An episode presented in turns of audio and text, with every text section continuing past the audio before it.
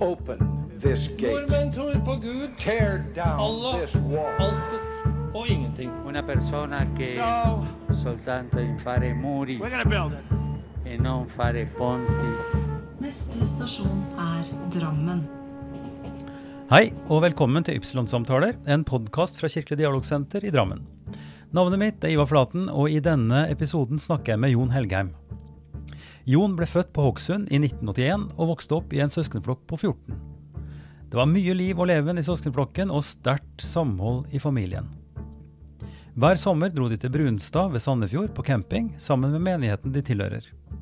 Smiths venner, eller Brunstad Christian Church som er det offisielle navnet, møttes der til bibeltimer, sommerferie og kristent fellesskap.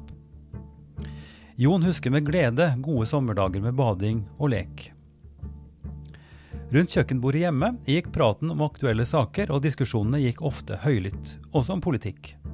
Jon fikk tidlig sans for å argumentere og finne svar på vanskelige spørsmål, og kanskje vinne diskusjonen.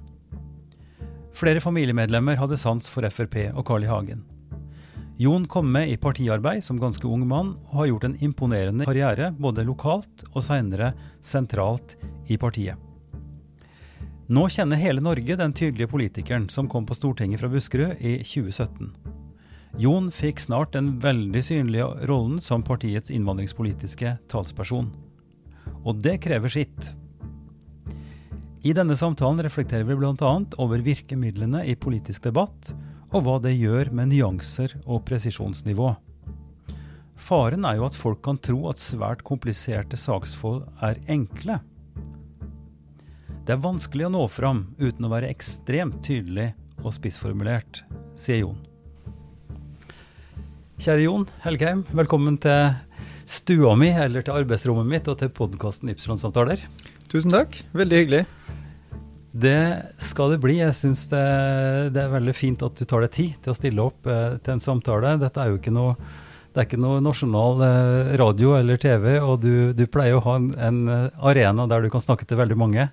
Dette er nok litt, mer, eh, litt mindre, naturligvis, men, men, ideen er jo da å kunne snakke i ro og fred om, eh, om hvem vi er, og, og hva som eh, har gjort at vi har blitt de vi er, kanskje òg. Ja.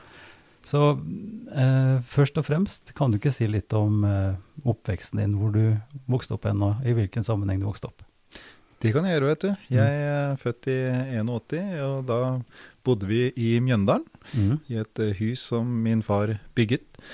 Um, og familien vokste jo uh, raskt. Det er jo veldig mange som har uh, fått med seg at vi til slutt ble jo hele 14 søsken. Det er ganske kult. Da. ja, det er ganske kult. Så jeg har 13 søsken, og det det var jo ikke alltid det var like stas å fortelle om det i oppveksten. Det var mye, mye negativt fokus. I hvert fall ble det oppfatta av meg som negativt fokus på det.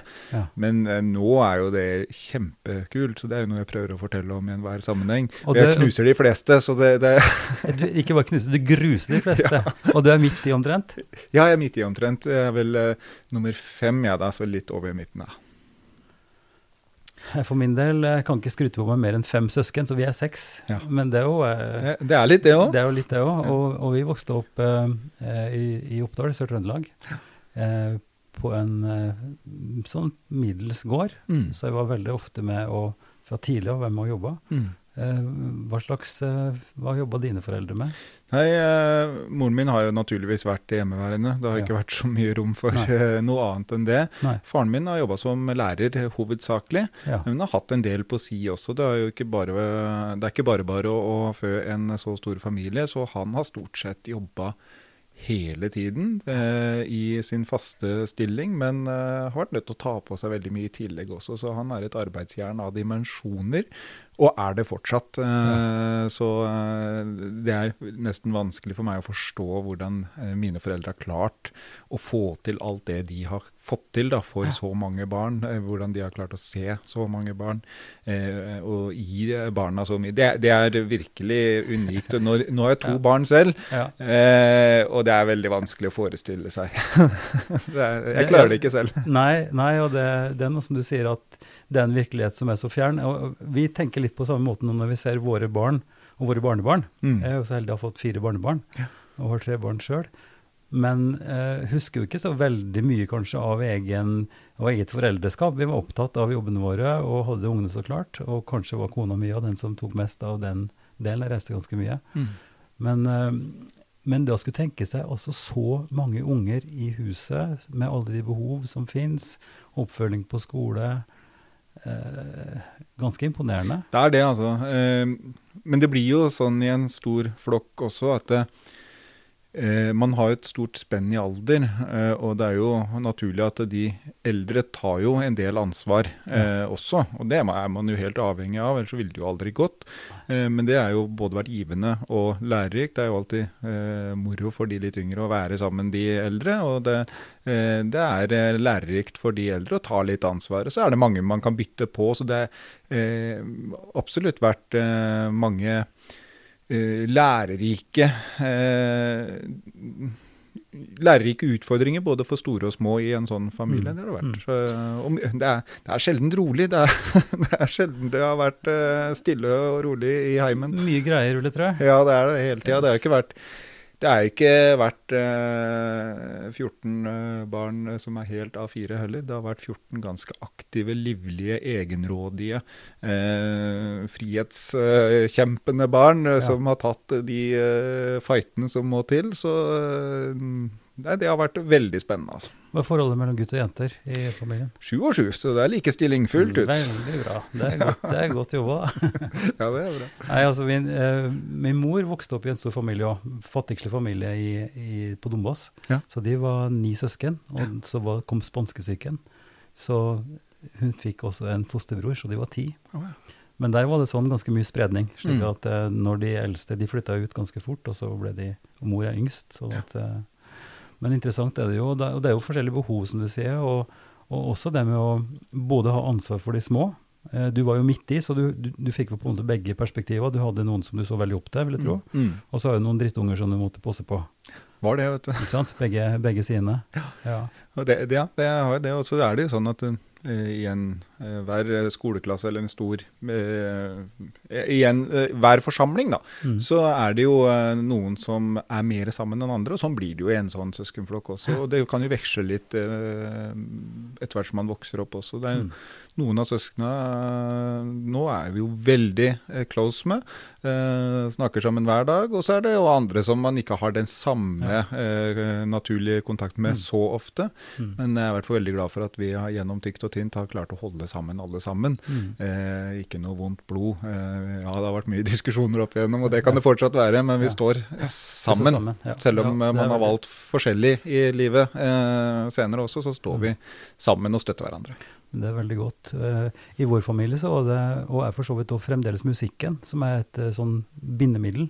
Vi er seks søsken, og, og mor og far eh, var Og mor er jo nå 91, eh, og ikke så naturligvis så aktiv lenger. Og far døde dessverre eh, allerede i 91. Men han drev både som bonde og, og musiker. Altså vi var i kirka og spilte og sånn. Og når vi søskna er sammen, så er, går det veldig mye musikk. Mm.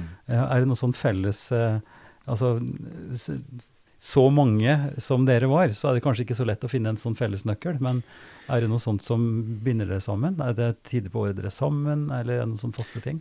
Ja, det er nok mest det siste du er inne på her. Eh, For vår del så er det nok eh, høytidene som, eh, som virkelig har vært stort alltid. Det er sikkert ikke unikt, det, men det er jo de tingene som binder oss sammen. Og vi klarer stort sett hvert eneste år å samles hele gjengen. Og da, da er jo ikke det bare 14 søsken og to foreldre, da er jo det med Ektefeller eh, ektefeller og og, barn. og det er jo en gjeng Dere må leie et lokale, dere da? Det er ikke langt unna. Vi flytta jo etter hvert eh, Når jeg var eh, åtte år, så flytta vi vel til eh, Hokksund. Eh, mye større hus. Eh, og måtte da ut, bygge ut og pusse opp, og det har vært mye jobbing. Em, så vi fikk et stort sted uh, med mm, store uteområder og, og mye plass.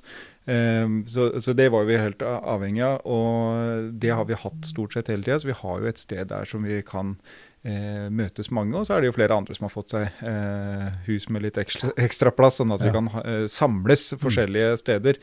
Mm. Så det klarer vi å få til. Det har ikke vært så mye musikk Det var nok det i starten en del som, eh, som kunne litt eh, piano og litt gitar og sånne ting, men Mm. det er liksom, vi er nok ikke den Nei. mest musikalske sånn sett, så det er andre ting da som vi finner uh, å samles om. Mm.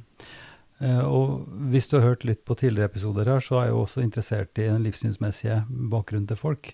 Og det er jo naturlig, naturligvis kanskje spesielt i dette tilfellet, på en måte, fordi at det har vært veldig oppe nå med det Brunstad, og, og, og du, du har skrevet også at, eh, at du ble kalt smittis, eller noe sånt noe. Altså at det var et skjellsord nærmest, eller sånn erteord, fordi du tilhører det som da før het Smiths venner. Eh, og det må også ha prega barndommen din, vil jeg tro. Ja da, det skal jo ikke så mye til i en skolegård før man kan få negative uh, tilrop, Nei. eller uh, bli utsatt for en viss form for eh, mobbing. Jeg vil ikke kalle det mobbing, men altså eh, at noen eh, ønsker å finne noe å pirke på hvis Ja. man skiller seg bare ørlite grann ut. Det er jo noe som, eh, som skjer, det, Jeg hadde briller og var litt tjukk, så det var grunnen til at jeg fikk høre det. Da får man høre det. Så det skal ikke mye til. Det er veldig mange dessverre som, som møter eh, forskjellige eh, typer av sånn Mm. hets eller eh, negativt snakk. Eh, og det, det er det nok eh, fortsatt eh, nå også. Husker, det som jeg kanskje husker best, eh, det var jo at noen gikk jo lenger for å liksom vise sin misnøye til deg, eller det din familie eller dine foreldre sto for. Og det var jo gjerne å gå med store symboler på jakkene med sånn opp-ned-kors eller forbud mot kristne og sånn, og gå demonstrativt foran med det i gangene. Det er jo klart det, det- det var jo ikke noe hyggelig eh, at folk følte, gjorde det. du følte at det var eh, noe som ble gjort for å markere mot deg? Mot Ja, dine? absolutt. Det ble gjort helt bevisst eh, når folk går demonstrativt med svære jakkemerker hvor det står at de ønsker å forby eh, det din familie står for. Ja. Eh, For jeg har nok aldri vært eh, så eh, involvert i eh, det religiøse, jeg. Og jo, tok jo tidlig andre valg Ja, enn ja. eh, enn å leve i et religiøst samfunn, eller eh, være spesielt religiøs av meg. Mm. Eh, Men det er jo klart, eh, det er ikke noe lett for en ung gutt å, å møte på eh, folk som, eh, som prøver å markere en sånn voldsom motstand mot det familien står for. Men man lærer seg jo at det er en del av det. Folk har forskjellige meninger. Noen har merkelige behov for å, å vise og ytre sterk motstand mot noe som egentlig aldri har plaga dem. Mm. Eh, og, og det er noe man lærer seg å leve med og, Ja, ja. og heve seg over. Men det er vel òg et mønster eh, Vi snakka nå sist med Tony Børner, Mm. eh, som, eh, som, som utmerker seg på den måten at han var mørk i huden og kom eh, med et helt annet språk da han var ti år gammel, til, til sin skole i Nord-Norge da, den gangen. Eh, og opplevde jo ganske heftig mobbing. Mm. Men i etterkant er det veldig interessant å høre, og han forteller han, han møtte faktisk en av disse hovedmobberne sine som voksen. Mm. Eh, og at vedkommende huska veldig godt alt som hadde skjedd, og følte også skyld, eller følte ubehag ved det. Eh, Men fordi det var en gjeng, liksom, og det, du, skal liksom, du skal vise deg, du skal være tøff. Og, sånn at det er noen sånne hakkemønstre som kanskje ikke først og fremst er opptatt av grunnen til, Mm. som du var inne på, at, at noen skal mobbes, men det er en, det er en måte å markere hierarki på, og, og kanskje styrke på en eller annen merkelig måte. Ja.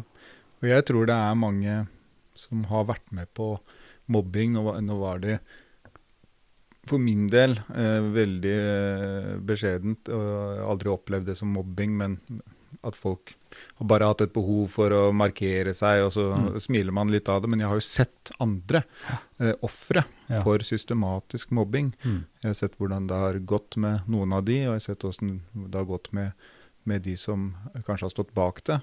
Eh, og der må jeg se, si at jeg har sett noen fine eh, utviklinger på det også, hvor eh, mobbere og mobbeofre eh, virkelig har funnet sammen senere. Å for å, sammen. Ja. og, kanskje eh, man har skjønt litt hva man har vært med på. Mm. Eh, For det er veldig mange i tenårene som ikke har et bevisst forhold til hva man er med på når man er en del av gjengen og plager litt noen. Ja, eh. Og hvis alle plager litt, så blir det ganske mye plaging. Og det der er noe jeg liksom eh, Hvis det er noe jeg ønsker å lære barna mine eller, eller unge mennesker, så er det eh, stå alltid opp mot all mobbing. Mm. Eh, Ja. fordi, fordi det er så viktig å få med seg den derre eh, altså, ta heller et slag eller, eh, eller noe negativt drittslenging eh, for den som blir mobba. Mm. Eh, Bare ikke vær likegyldig til det.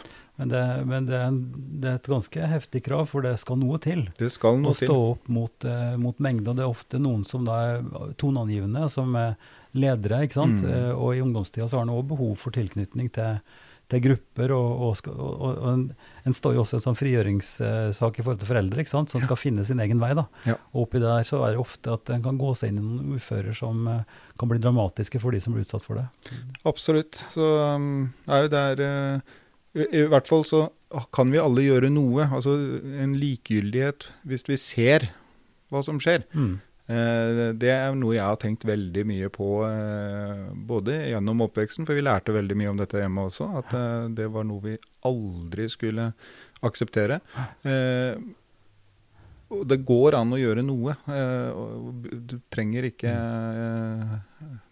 forandre hele verden, men det også å vise meg at man ikke er likegyldig, det kan faktisk gjøre. Og det, det gir jo også status, har jeg erfart sjøl, altså hvis en er modig nok. Mm.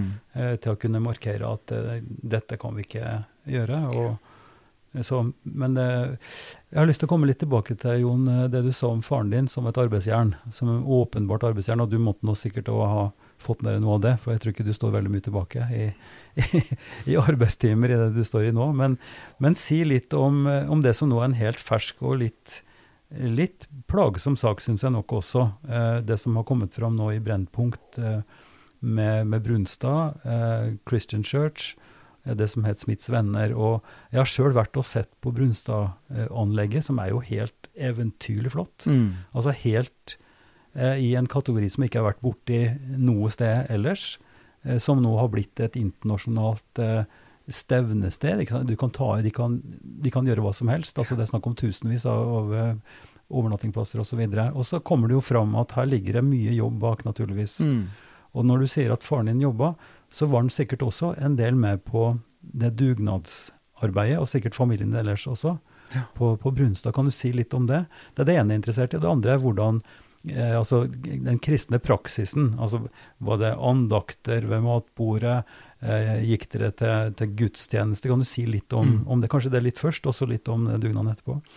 Ja, altså Hjemme så har det jo stort sett vært eh, om å gjøre å få ting til å gå rundt. Mm. Eh, og da har man ikke hatt tid til å eh, innføre så veldig mye høytidelige rutiner sånn Nei. sett. Og ikke har det vært noe som har passa for vår familie. Eh, som jeg var inne på, så har det vært eh, en gjeng med, med egenrådige, eh, viltre barn. Ikke noe andakt der, nei. Så ikke mye andakt å spore der. Men det er klart, vi hadde jo noen sånne felles samlingspunkter gjennom hverdagen, og, Mm. og kanskje spesielt i helgene, hvor, hvor det å spise middag, det gjorde vi samla, alltid. Mm. Eh, og da var det jo bordværs, selvfølgelig. Det er det jo fortsatt hjemme i eh, Hokksund, så, Ja. så er det det. Så en, som en helt naturlig del uansett. Er det du som heter liten fugl? eller? Ja, det er den, og du som heter liten fugl. Den- og, den og den går det ennå, selv Ja. om det er veldig flertallet har nok ikke tatt det med seg videre til sine nystifta Men hjemme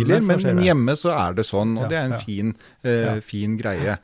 Eh, så man har holdt fast på de tinga, for de, det har liksom alltid vært det limet gjennom hele oppveksten. Så det sitter jo ganske dypt Ja. eh, ned, Ja. ned i Og sjela vår. aftenbønn sikkert også. Eh, Ja, eller- ikke, eller det det har nok vært stykker? mer individuelt. Ja, eh, Nei, for jeg tenker på det, når Foreldre er jo med å legge barna sine. mm. Eh, og da var det sikkert ikke bare én og én seng i ett og ett rom. Dere hadde ikke 14 soverom. Nei, vi hadde jo ikke det, så det var jo litt flere på hvert eh, rom og, og eh, sånne ting. Og det, det var sang, eh, forskjellige eh, sanger, og det kunne, etter det jeg husker, være eh, barnesanger med, med Ja, nå husker jeg jo ikke disse sangene, men det, det, har, det er jo flere Nå lukker seg mitt øye. Ja, disse Nå sangene her. lukker ja, seg mitt øye, o Fader i det høye, i varetekt meg ta.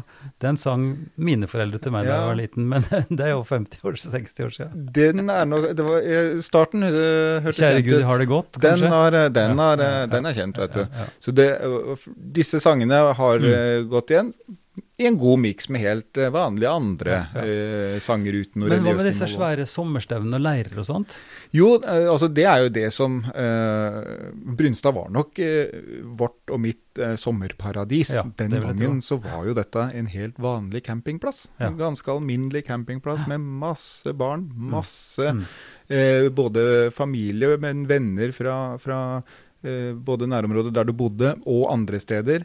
Eh, Så det var jo liksom lange sommerdager med bading og løping og leking og uh, fisking og roing. eh, Dag ut og dag inn, sånn som jeg tror de fleste husker. Jeg har noen altså, sommerminner fra. Du hører nå på Ypsilon-samtaler, og i denne episoden snakker jeg med Jon Helgheim.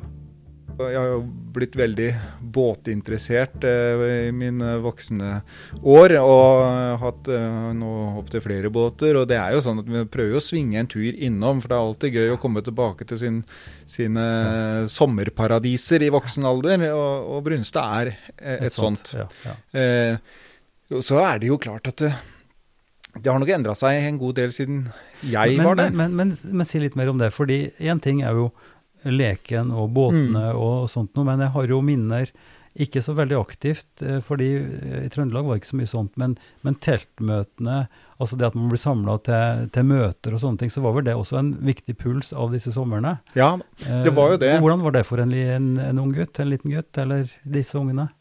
Nei, hvis jeg skal være helt ærlig, så var møtene litt kjedelige. Ja. ja, det sier jo alle. De var jo det.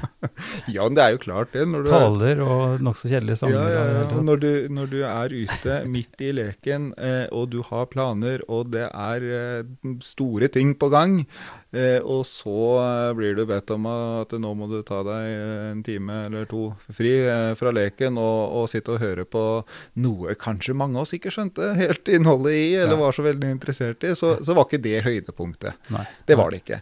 Eh, men så hadde jo, jeg husker disse stevnene jeg hadde flere deler, Mm. hvor, hvor eh, det var mye for de voksne. Mm. Eh, og da fikk jo vi gjøre mye som vi ville. Mm. Men så var det forskjellige deler for barna også, som var mye Ja. mer forståelig, mye mer innholdsrikt for oss. Ja. Og så var det mye lek og moro. Jeg tror det var tre dager jeg med bare eh, lek, eh, konkurranser Ja. og sånne ting, Mm. eh, som avslutta det hele.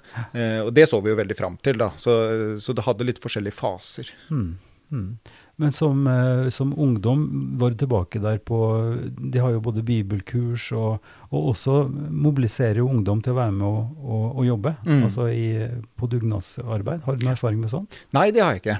Eh, det, så vidt jeg kan huske, så har jeg aldri hørt om noe bibelskole. Eh, Jeg trodde ikke de kalte det det ennå, men det kan hende at ting har endret seg. Det er bare, altså jeg så den siste den serien der, og det, at det er noen samlinger i hvert fall for, for Men det er kanskje ungdom som da går aktivt inn i, jeg tror egentlig det er det som de i lang tid har kalt uh, A-laget. Uh, og oh, det ja. er, eh, det er uh, den arbeidsgjengen liksom, som har vært med å bygge. Ja, det er i Ja. hvert fall sånn jeg har forstått det. Men, ja du, du er autoriteten her. Ja, altså, men, men jeg har jo ikke vært aktivt med der siden jeg var 14-15 år, egentlig. Eh, så jeg eh, det er kjenner jo 25, ikke 25 år siden, det. Ja, det begynner å bli mange Ja, år siden, ja. så mye, mye har skjedd. Helt sikkert. Ja. Men jeg har jo familie, og jeg har hatt god kontakt med både familie og, og andre venner derfra, i, og har det fortsatt. Mm. Eh, og vet jo litt hva som rører seg. Eh, men noe sånn detaljkunnskap, det, det har jeg nok ikke. Nei, Nei. Nei det, er, det er i hvert fall utrolig fascinerende å se hva, hva en kan få til. Eh, for jeg, jeg, trodde jo ikke mine egne øyne da jeg kom ned dit og, og svinga liksom, av veien og, og nedover de jordene der, og så plutselig så er det et, altså et helt, en hel by på en måte med svære arenaer, stort hotell, en hel landsby med hus. altså så hvordan en relativt, for du må jo si det, tross alt, det er en relativt liten gjeng, altså en liten eh, menighet, Mm. som har fått til dette. Mm. Ja, det er det jo. Eh, Og så er det spennende å se, så klart da, eh, jeg kan jo skjønne eh, at det er vanskelig for menigheten nå, sånn som Brennpunkt kjører, men det de virker jo som de har ganske, de har ganske eh, mye å komme med. Så det blir spennende å se hvordan dette går. Og at det er, altså at, og jeg er opptatt av å kunne skille på en måte her at det fins et engasjement, det fins en tro, det fins et, et, altså et sosialt liv, Mm. et religiøst liv Mm. som er legitimt og fint. Mm. Samtidig som det er klart innafor både Den norske kirke og i andre trossamfunn så finnes det tendenser til både makt og, og, og, og pengebruk som en kan være kritisk til. Ja. Slik at det kan, vel, det kan vel være flere sannheter samtidig her. Det kan nok det. Og jeg har jo nå blitt kontaktet av flere, både innenfor eh, Brunstad-samfunnet og utenfor, som lurer på liksom hvor, hvordan ser jeg på dette her. Om, jeg pleier å svare det at mitt ærlige svar er at jeg kjenner meg jo ikke igjen i den framstillingen som Brennpunkt hadde. Eh, fordi den gangen, så, som jeg sa, Brunstad var en ganske alminnelig campingplass. Ja, det var kollekt, eh, innsamling ved en bøtte som gikk rundt. Noe jeg tror var ganske alminnelig eh, praksis både i eh, de fleste kirker og trossamfunn, hvor man gir en liten slant eh, i den bøtta. Eh, det var liksom Ja. Så det pengepresset og sånne ting Jeg kan ikke si at jeg kjenner til, eller kan kjenne meg igjen i de tingene. Det, det som jeg reagerte på, og som jeg i oppveksten har tatt litt sånn oppgjør med. Eh, diskuterte mye både innenfor eh, menigheten der og med foreldre og sånne ting. Det er at jeg syns det ble lagt litt for strenge krav på jentene. Mm. Jentene ble pålagt eh, med ganske sterkt forventningspress å gå med skjørt og fletter. Mm. Skilte seg ut på skolen. Det var nok ikke de som hadde valgt det selv, selv om hvis du spurte dem, så svarte de at det var det. Unge, unger er jo eh, lojale. ja, man, man er det. Man ønsker ikke å såre foreldrene. Man ønsker ikke å gå imot eh, når Mm. man skjønner at det ønsket er såpass inderlig. Mm. Eh, Så, så gjør man som foreldrene sier. Eh, Vi guttene hadde jo ingen forventningspress på hvordan vi skulle se ut eller uh, til oss, egentlig. Uh, Men jeg så det at det var nok ikke alle jentene som var så komfortable som man skulle ha det til. Og dette ble hyppige diskusjoner, og vi tok det opp. og Heldigvis så har de slutta med det. Så jeg Dette tror er jo forandra. dette er forandra. Eh, og hvor, hvor, hvor mange år siden kan det være? Fordi du dette var 90-tallet, altså. Ja, så allerede da. Mm. Eh, så utover 90-tallet, eh, og, og mulig den prosessen har fortsatt eh, lenge etter det også, Mm. så ble det nok en del endring på hvordan man forventa eh, at eh, medlemmene skulle kle seg eller te seg. Eh, og det er egentlig det jeg kaller mm, sosial kontroll, Mm. eh, hvor man prøver å pålegge eh, unger eh, måter å kle seg på og leve på som de ikke har valgt selv. For, for, for dette er jo noe som er et pålegg eller en tradisjon som, Mm. som har utvikla seg Mm. eh, innenfor lederskapet, og som har satt sitt preg Ja. på det. Og det er jo gjenkjennelig. Eh, Menonitter f.eks. i USA, eh, som, der er det jo enda mer ekstremt, for der skal man ikke bruke moderne hjelpemidler heller. ikke sant? Eh, der, der det er en sånn Du har på en måte stoppa tida sånn midt på 1800-tallet, Mm. og så er standarden der, så alt annet er feil. Kanskje læstadianere litt av det samme i, i Nord-Norge, ikke sant? at man er veldig kritisk til moderne, altså til TV, til, ja, og, og også går på, der går det også på skaut, ikke sant? Mm. Så det har jo sammenheng med, altså hvis jeg skal reflektere litt som teolog da, eller som, som religionskunnig, så, så er det jo noen som på et eller annet tidspunkt har sett hvordan det bør være, Mm. og så har det satt seg som en tradisjon, og så er, man lojal til tradisjon mer enn til det religiøse eh, innholdet. Altså det blir litt mer utydelig hva som skulle være grunnen til det. Ja, jeg tror det er en ganske god analyse. Ikke sant? At det, og, og at, det blir, at det blir plagsomt for den som jeg kan jo fortelle, så, som er noe litt forskjellig, men mine besteforeldre var veldig prega av, av indremisjonsvekkelse, og var ledere på bedehuset i Oppdal. Mm. Og de, eh, bestefar var lærer og klokker eh, i, i mange, mange år. Var en av de første, Han begynte som omgangsskolelærer. Så det er liksom, eh, det er på 20-tallet, ikke sant? Eh, Begynnelsen av slutten av 20-tallet. Eh, og dro rundt da på gårdene og har skole. Men ble etter hvert veldig prega av indremisjonen og den strengheten der. Og for de som da opplevde at alkohol og pengespill var med og ødela utrolig mye for en del bønder i det området de ikke sant? De spilte bort eiendom, Mm. og, og det ble sosial nød og alt mulig sånt noe. Så ble kortspill og alkohol kobla direkte til djevelsk eh, virksomhet. Og at det var veldig strenge regler på dette, som ble, som ble overført til oss Mm. i andre generasjoner etterpå. eh, og også med sminke, ikke sant? med Mm. å gå på teater eller gå på kino, alt dette som, som vi ser på som nesten latterlig nå, men som var på en måte religiøst og veldig strengt begrunna den gangen. Mm. Så derfor så er det vel, jeg vet ikke hvordan du har opplevd eller tenkt på det, men at det er en slags frigjøring fra det som, som ikke har noe med det grunnleggende religiøse å gjøre, men som er noen former som noen har bestemt Mm. og lagt på fordi at den skal bli, ja, jeg vet ikke, komme i disiplin, eller? det, det har nok vært eh, en eh, sunn utvikling der eh, et personlig eh, forhold til troa Mm. skal være det som man fokuserer på. Hvordan, hvordan eh, er det du personlig skal leve ditt liv ut ifra din overbevisning, altså en perso mer personlig kristendom. Mm. Eh, fremfor eh, alle rammer og regler eh, som, som alltid vil slå skeivt ut. Og når Mm. det, eh, som du så fint eh, forklarer hvordan dette gjerne har oppstått, eh, så er det også naturlig at det vil slå galt ut for en generasjon etter. Eh, Det er nok kanskje derfor vi har en del normer og regler innenfor religiøse trossamfunn eh, som virker gammeldagse. Mm. Eh, Fordi dette går i arv, og, i for liten grad reflekterer lederne kanskje på hvorfor har vi dette. Mm. Og, den, og det å utfordre det på forskjellige måter, det tror jeg er lurt. Mm. å ta, ta den diskusjonen. Er dette noe som vi egentlig trenger? Mm. Eller kan det være til hinder for eh, den personlige utviklingen? Kan det være til hinder for barnas utvikling? Eh, sunne diskusjoner, synes Mm. jeg i hvert fall. Mm. Ja, eh, og det, det har jo du eh, gjort til gagns. Altså, du har framført både det du nå sa, den kritikken mot eget eh, trossamfunn, Mm. egen oppvekst, men også det sosiale trykket som ligger i det som man kan kalle sosial kontroll, eller negativ Ja. eh, sosial kontroll. Sosial kontroll, det har vi vel som et, som et sånn de facto-opplegg. Mm. For vi må tilpasse oss samfunnet. Vi har visse regler, og vi har regler for oppførsel og sånt som er en type sosial kontroll. Hvis du bryter med de grunnleggende forventningene vi har Mm. til hva som er eh, ja, fornuftig, eh, så reagerer vi Mm. ikke sant, med magen. Mm. Men den negative handler vel om at den går for langt. Da. Ja. Altså at det er noen som legger bånd på folk i, i det ytre. Mm. Eh, og så er jeg nysgjerrig også på eh, hvor godt forankra dette er internt. altså Fordi særlig grupper som kommer under press, vil ha et behov for å markere enhet på en eller annen måte. At man slutter rekkene, om du vil, eller, eller, eller eh, viser i praksis at dette vi er stolte over. Mm. Og, det blir, og det blir en annen, det blir en slags aktivisme. Mm.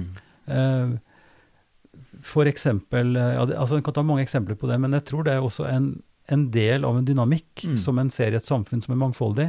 Ta jødene, f.eks., eh, som, de, som de fleste av oss nå vil si eh, altså det, det, det er i hvert fall ikke god tone å være eh, mot jøder. Ikke sant? Antisemittisme er liksom noe som vi virkelig eh, prøver å, å ta oppgjør med på alle måter. Men grunnen til antisemittismen gjennom hele historien er jo at de har hatt et veldig tydelig kulturelt særdrag. Mm. De har holdt veldig på sine skikker og, og, og har vært spesielle. Mm. Og, og det er en styrke innad, men det er også noe som en kan kaste mistanke på fra utsida. Ja. Så den dobbeltheten, og det er noe også som jeg er nysgjerrig på i forhold til, til, til religiøse grupperinger, hvor en, hvor en har et ønske om å vise den enheten og gjøre det bevisst, Mm. eh, men hvor det blir uakseptabelt fra Mm. storsamfunnet. Mm. Ser du den? Jeg ser absolutt den. Og når man får et eh, Hvis vi skal relatere det til det som nå skjer med Brunstad, da, at man får et eh, kritisk søkelys på seg, kanskje et sterkere søkelys enn eh, det som har vært på veldig lenge. eh, Hvor man har gått ganske dypt inn i eh, materien for å eh, belyse det eh, NRK åpenbart i hvert fall ser på som problematiske sider. Ja. Så skaper det en motreaksjon. Og så er det alltid sånn, og nå har jeg fått litt erfaring med å havne i medienes søkelys, og det er alltid sånn at man opplever... Et, skal vi si at det var en underdrivelse? Det var nok en underdrivelse. Jeg kan si at jeg vet litt hva, hva man snakker om. Og, eh, hvis jeg skal prøve å forstå hvordan veldig mange medlemmer der nå eh, reagerer, så er det uvant. Først og fremst det er veldig uvant. Man vil aldri egentlig kjenne seg igjen i en beskrivelse av seg selv eller noe man er en del av, eh, når man ser det på TV. For det er, et, det er såpass uvant. Man skal være godt vant med det for å, å kunne eh, objektivt si dette var en riktig eller gal fremstilling. For det vil alltid fremstå som galt å se seg selv eller noe man er en del av fremstilt. Og det, det er en faktor som kanskje gjør at uh, selvransakelsen eh, er ikke det første man tyr til eh, når man blir konfrontert på den måten. Nei. og som du var inne på, så, så eh, ser det ut som man har en del å svare med her. Mm. at eh, det er nok ikke hele sannheten som har kommet frem. Eh, men det, det er nok sunt å få eh, sett litt eh, satt lys på mm. ting. Vi må tåle å, bli ettergått og uh, titta i korta. Eh, når man åpenbart har snakk Det er mye mennesker. Det er mange unge mennesker. Det er mye penger. Det er mye eiendom. Det er mye forskjellig. Eh, det kan være sunt å bli sett i korta, men det er fryktelig ubehagelig når det pågår.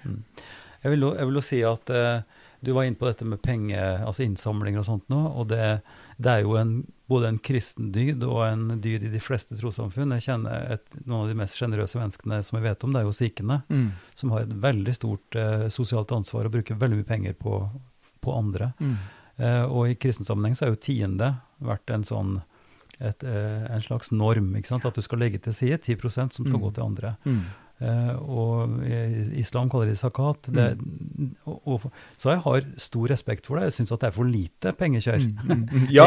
E- Egentlig, altså i, Hvis vi tenker på Den norske kirke, da, Mm. som er jo et eget kapittel som vi kunne snakka mye om, men som har nytt godt av å være statskirke og fått, fått sine midler. Eh, og jeg håper jo at, at en kan begrunne ar- arbeidet på en sånn måte at, at den finansieringsordningen vi har, at den kan fortsette på et vis. Mm. Men at den enkelte medlem.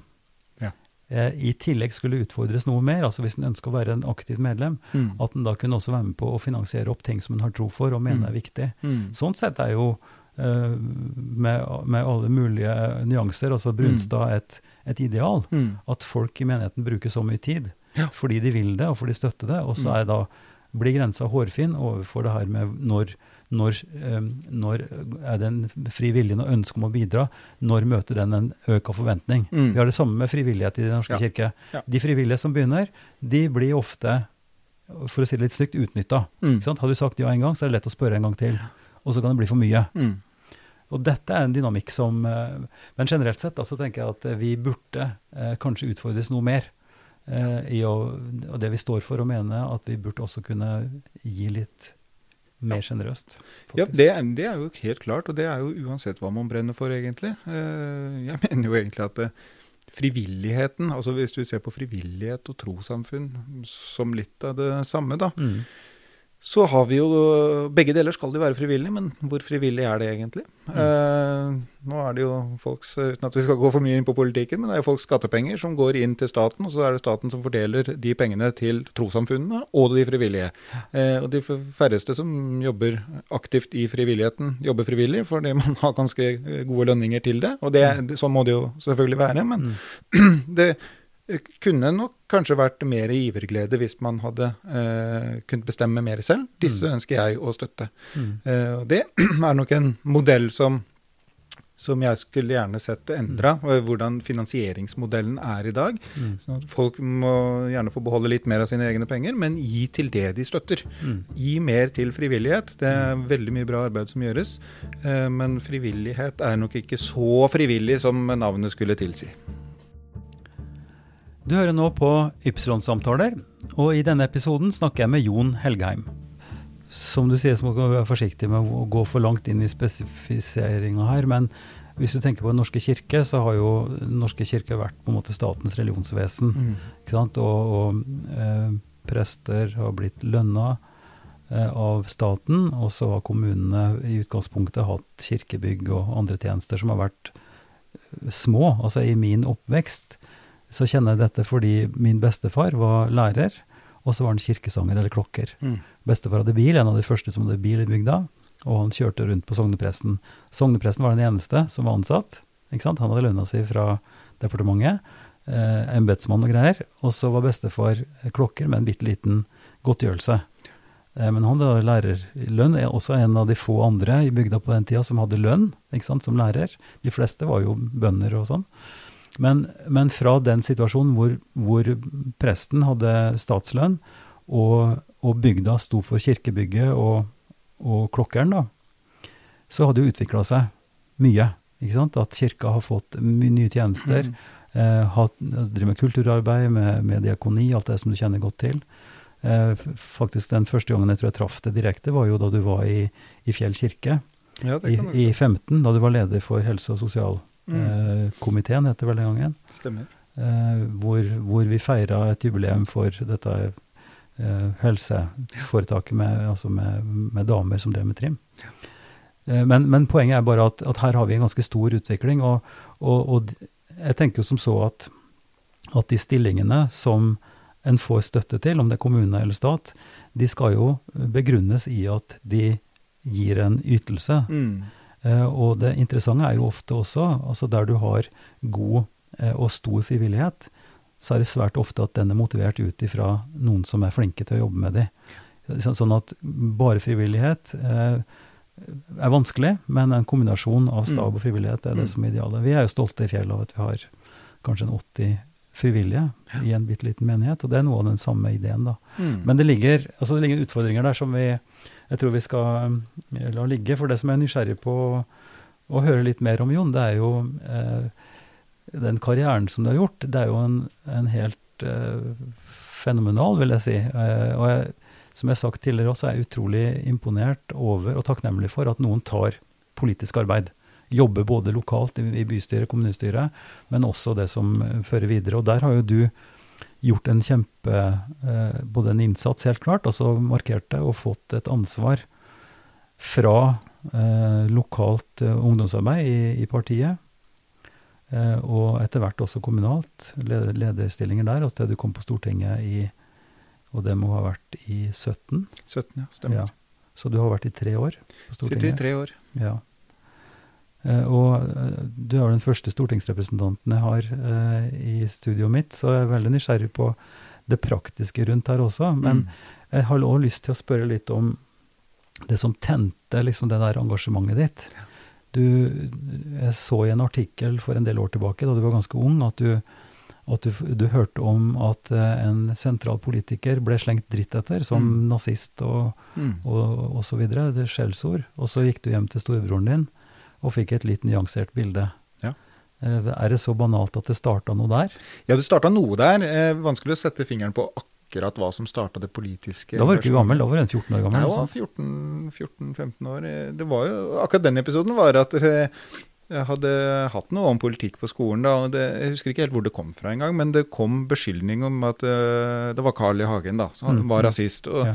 og mm, det som beskyldningene gikk ut på, var ganske grove, syns jeg. Og jeg, synes jo at, eh, og jeg visste jo at eh, broren min, storebror, han støtta jo eh, Carl I. Hagen. Tenkte Ja. at det er forferdelig eh, at broren min skal støtte eh, en rasist. Mm. Så jeg gikk vel egentlig hjem og tok og konfronterte han med med at han støtter en rasist.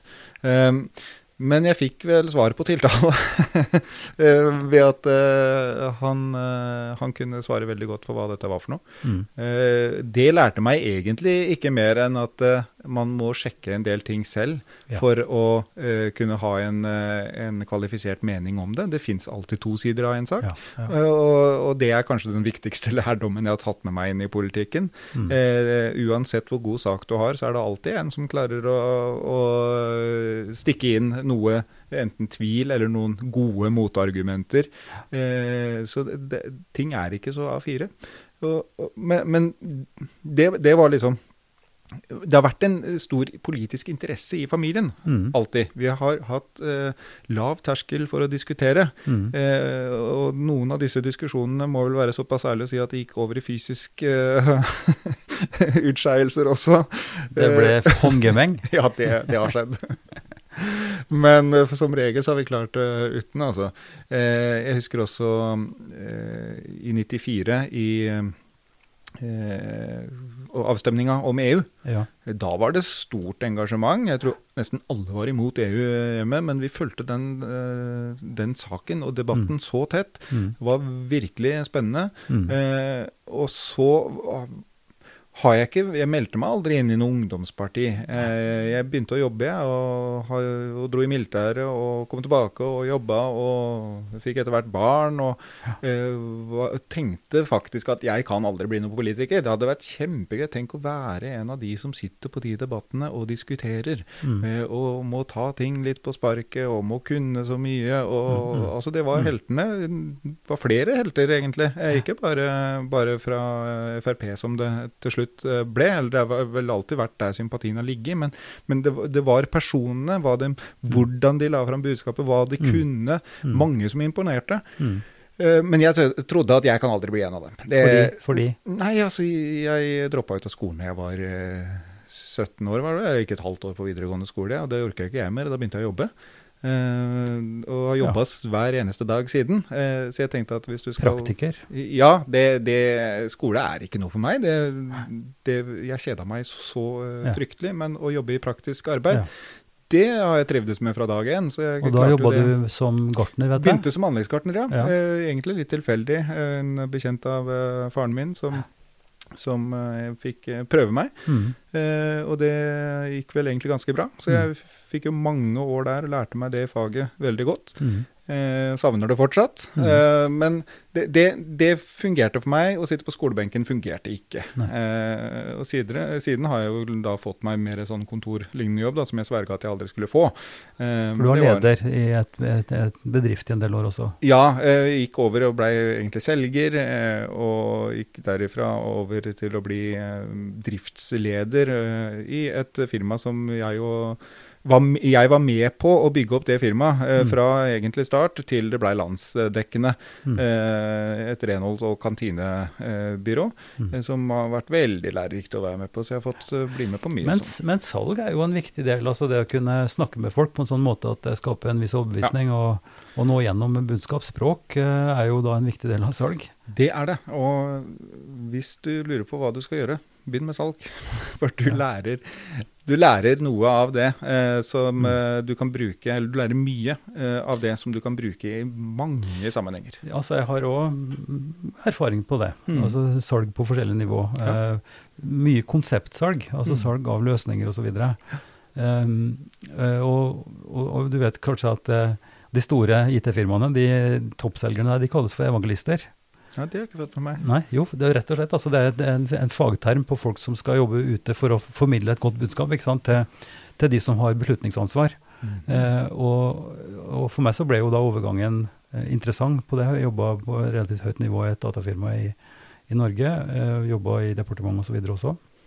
Men kom da over til kirka etter hvert fordi jeg har bakgrunn der og sånt noe. Men, men, men det som er Men jeg har jo hatt, du ser bak deg, altså, så er veggen stappfull av bøker. Og, og jeg har hatt det der eh, hangen til bøker. ikke sant, Mm. Ble erta fra det fra tidlig. Gikk med bri- briller på nesa og ble spurt til råd som tiåring ikke sant, hvilke bøker kameratene burde lese. Um, så, og du må jo, som politiker, forholde deg til utrolig mye tekst. Ja. Uh, hvordan er det?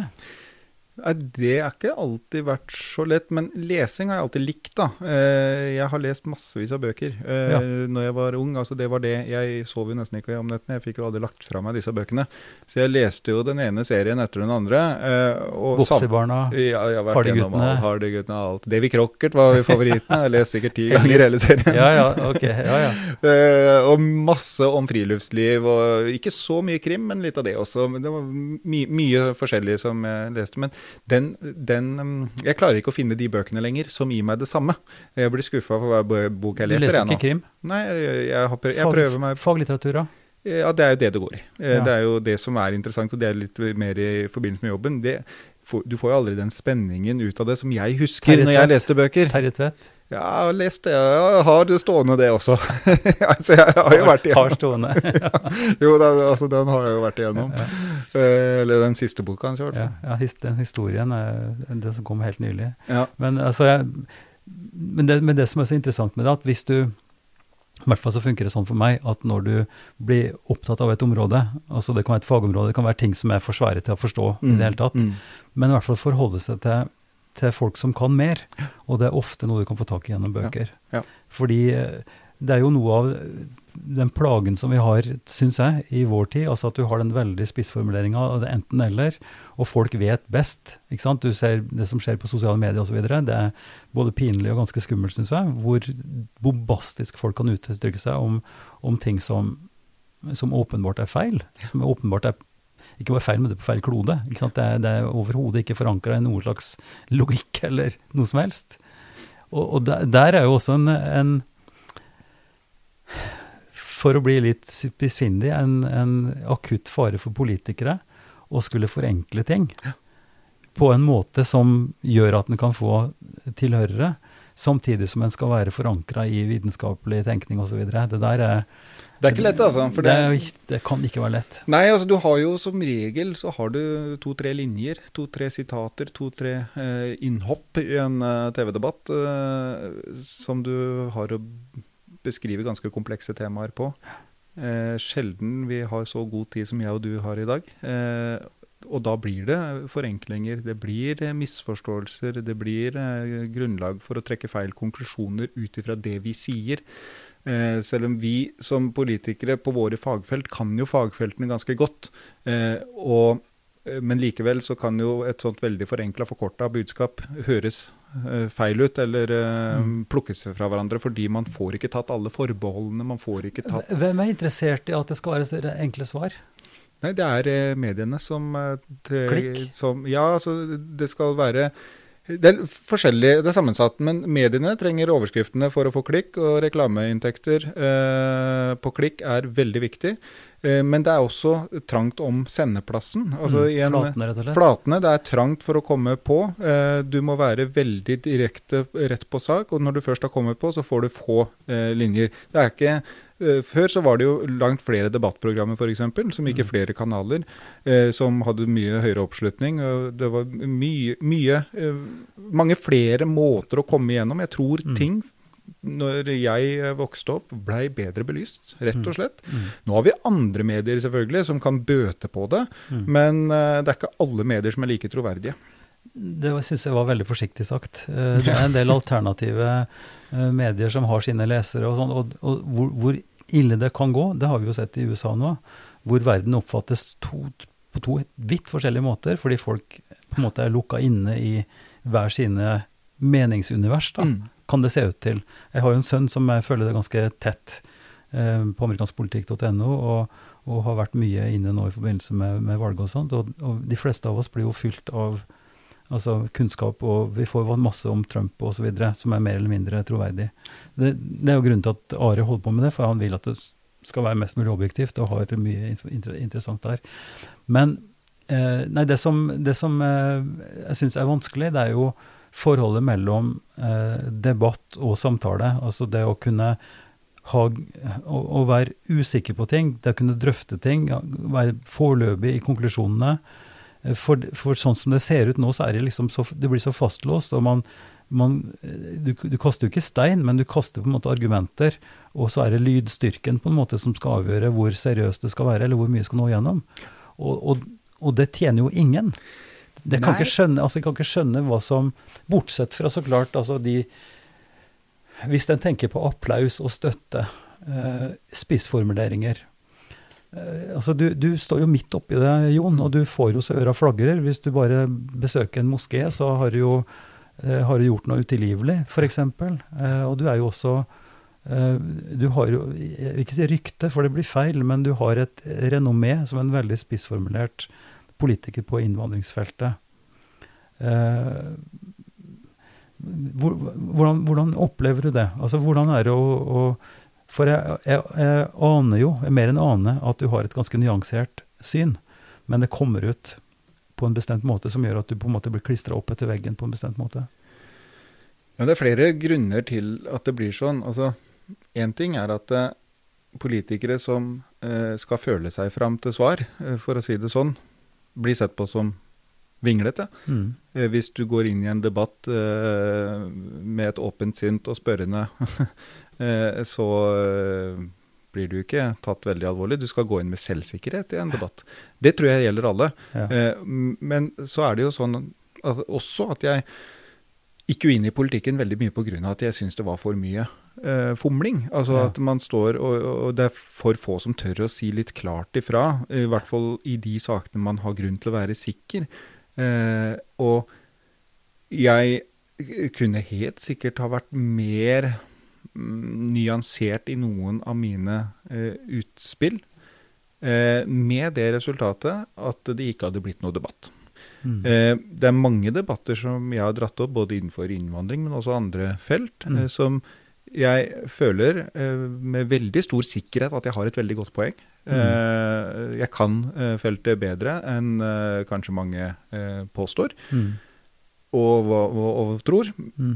Mm. Men når jeg tar det opp på den måten, så blir det en debatt. Eh, og det ender ofte med at, eh, at vi får en litt annen eh, utfall av den debatten enn det vi enn det det ser ut for. For kritikken hagler veldig hardt i starten. Hver gang det kommer et eh, litt mm. hardt eh, budskap. Mm. Men så, så myker det litt opp, og man ser mer nyansene når vi får i gang debatten. Så Mm. det, det er én av kanskje mange grunner til at det eh, blir sånn. Men jeg har alltid hatt et ønske om å, eh, å si litt klart ifra på det jeg brenner for. Mm. Og på innvandringsfeltet så er det mange ting jeg har brent for. Jeg føler at det ting, ting har blitt snudd på hodet, og jeg sier tydelig og klart eh, i, fra på flere områder der. Mm. Eh, og, og noen ganger bommer man, altså. Sånn, sånn blir det. Men, Mm. eh, men eh, det, det har vært en, eh, både en bevisst greie, men også en, et resultat av flere faktorer Mm. som spiller inn i hvordan mediehverdagen fungerer, hvordan politikkens vesen Mm. er, rett og slett. Mm, ja. og, det, og det er jo noe av grunnen til at jeg syns sånne samtaler vi har nå, er mer interessante. Altså Mikrofonene står jo på, dermed så skal man ta hensyn, og det skjønner jeg også. På den annen side så går det an å tenke litt lengre resonnementer og få litt større eh, bilde av hvordan en tenker, da. Eh, og så vil en kunne lande på helt forskjellig sted, og det, det er jo både akseptabelt og nødvendig. Men det å ha rom for en, en samtale, en, en eh, altså dialog, høres så fomlete og, og svakt ut på et vis. sant? For du tenker at da er ikke da er det Litt sånn motsatt av det du sier. Det er ikke tydelig. Mm. Du slår ikke fast ting. Mm. Du, blir, du oppfattes som vinglete. Men jeg tenker det er en kvalitet, ikke i vingling, men i en refleksjon som ikke er fastsementert før du har begynt. Ja, Veldig godt poeng det der, egentlig. og det, Du nevnte jo det at jeg var og besøkte en moské og fikk så øra flagra eh, av egne følgere og, og folk som kanskje står eh, lenger ut på kanten enn det jeg selv gjør. Eh, som, eh, som ikke likte dette her. Eh, men mye av årsaken er nok at jeg har hatt en profil hvor jeg eh, ikke ønsker å drive med dilldall.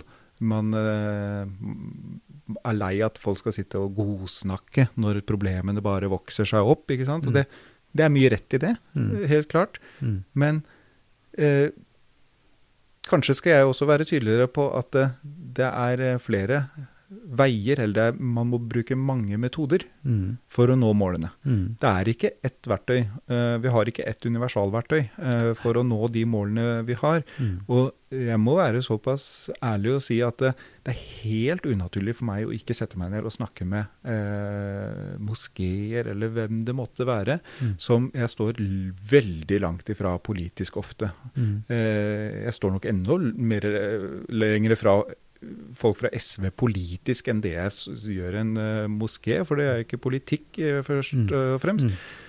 Men politikere sitter vi jo ned og snakker med hver eneste dag. Mm. Vi sitter jo eh, nesten i perioder mer sammen med politikere fra SV og andre partier enn jeg er sammen med min egen familie. Vi Mm. har dialog Ja. og samtaler Ja.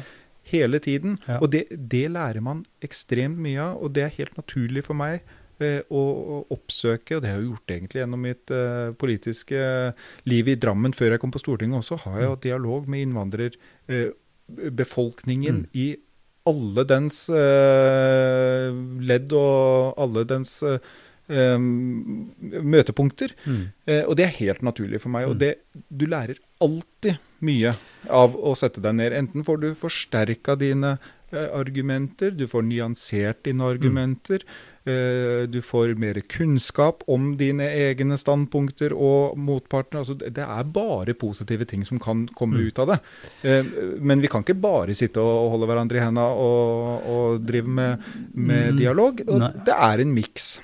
Ja da, og det, og det er jo litt av det som en kan få slengt etter seg som dialogaktivist. ikke sant? Mm. At det er liksom sånn wishy-washy, og nå må du slutte å drikke te med seg folk, og det er ikke det det handler om. Men det å sitte på kantina på Stortinget er jo eh, det samme. Det å drikke te med folk og utveksle meninger som ikke nødvendigvis går på knallhard debatt Mm. eh, hele tida. Mm. Eh, og, og jeg har nok fått mer og mer syn for det i, i min praksis nå, at kanskje er det like stort behov for kall det samtale. da. Dialog eh, har på en måte fått noen sånne stempler som det er ufortjent. Men samtale med egne, Mm. samtale innad eh, i kall det norske kirke eller i en menighet, snakke ordentlig om ting. Eh, få tydelighet på forskjellighet, altså at forskjelligheten ikke handler om verken hudfarge Mm. eller religiøs holdning, men vi er forskjellige og har forskjellige preferanser. Du er forskjellig fra søsknene dine, ikke sant? Mm. Det er forskjellig dynamikk i familier.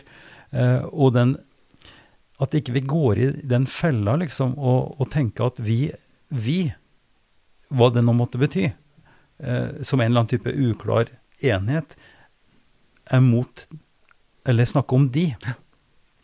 For det, det er for min erfaring gjennom det livet som jeg har ført Mm. så langt, at, at forskjellene er så utrolig store, og spenninga er så stor. Og derfor så bare holde fast i det konseptet at vi må snakke med hverandre Mm. med forventning om at vi kan lære noe. Mm. For det, for det enkleste vi gjør, det er faktisk å sitte med noen uh, meninger som er bastante, uh, og eh, slenge de ut. Det kan vi alle gjøre. Ja. Uh, det er vanskelig når du har satt deg ned og snakka med vedkommende, eh, som du, som du eh, skal eh, ha en mening om eller imot. Mm. Eh, men det vokser man på. Ja. Man utvikler jo eh, deler av sin egen eh, politikk, i mitt tilfelle, da, Mm. ved å utfordre seg på den måten med å sette seg ned og snakke sammen. Så vi kan jo velge den enkle måten, som kanskje er den med lavest kvalitet. Det er å sitte på avstand, holde litt for øra og, og slenge argumenter i veggen. Mm. Noen ganger gjør vi det, Mm. men uh, hvis vi bare gjør det, så, så er det er ikke en god måte. Det er ikke, en, eh, det- er ikke noe som fører noe særlig eh, sted. Så jeg er veldig opptatt av at og, og, og I den debatten da, som er veldig oppheta om islam i Norge, Mm. eh, så er det jo helt naturlig for meg, men jeg skjønner jo at det ikke er så naturlig for veldig mange andre å se på eh, muslimer i Norge som enkeltindivider. Eh, det mangler det jo stort på. Eh, det er jo faktisk sånn at mange går rundt og tror at alle muslimer i Norge har kommet for å overta landet og innføre sharia. Jeg trodde det var en myte, men, men folk tror faktisk på det. Og det, her må man vite nyansene. Ja, det finnes faktisk islamister som åpent sier at det er det de ønsker. Ja, ja, ja. De finnes. Men uh, såpass mange muslimer uh, tror jeg vi kjenner at uh, de fleste har aldri tenkt tanken. Og det overrasker meg litt at det går mange rundt og tror Mm. at det, verden er så svart-hvitt. Mm. Og da er nok mitt råd Sett deg ned og ta en kaffekopp og prat. Eh, så skjønner man at man tar feil. Det, av og til så tenker jeg det er nyttig å kunne speile hverandre. Ja. Og hvis vi skulle tenke det samme, om at eh, kristne har kommet til, til Norge, eller kristne er i Norge for å gjøre Norge til en Ja, hva skulle det være da? En, en, en nå, nå Brunstad. Altså Ja, Brunstad. Ja. De, de skal få alle til å bli eh, og, og da og da skjønner en jo kanskje, da, hvis en tenker etter litt, og det å sette seg ned og telle til ti, tenke litt statistikk, tenke litt mm. bondevett, Mm. så er det veldig vanskelig å kunne akseptere en sånn ja, det er det. som du egentlig bare tar med magen, og som du bare Mm. ikke tenker gjennom. Mm. Men uh, tro det eller ikke, nå har vi altså brukt en time. Ja. Så da vil jeg takke Jon for at du tok deg tid å snakke med, med meg. Og så ønsker jeg deg all mulig lykke til i et viktig arbeid. Og takk for at du, at du gjør en jobb for oss som folkevalgt. Selv takk. Det var hyggelig å kunne komme. Takk for at du bruker tid på Ypsilon-samtalene. Hvis du liker denne episoden, kanskje du liker også andre som du vil finne mer informasjon om på www.ypsilonsamtaler.no. Der vil du finne en kort presentasjon av alle St. Party-partnere så langt, og lenke til episodene. Du må gjerne abonnere på Ypsilon-samtaler i din favorittpodkast-app. Og så er vi veldig glad for tilbakemelding og forslag som du kan sende til Ivar, krøllalfa, kirkeligdialogsenter.no. Podkasten er støtta av Drammen kommune, Barne- og familiedepartementet og Einar Juels legat. Ansvarlig utgiver er Kirkelig dialogsenter Drammen ved daglig leder Ivar Flaten.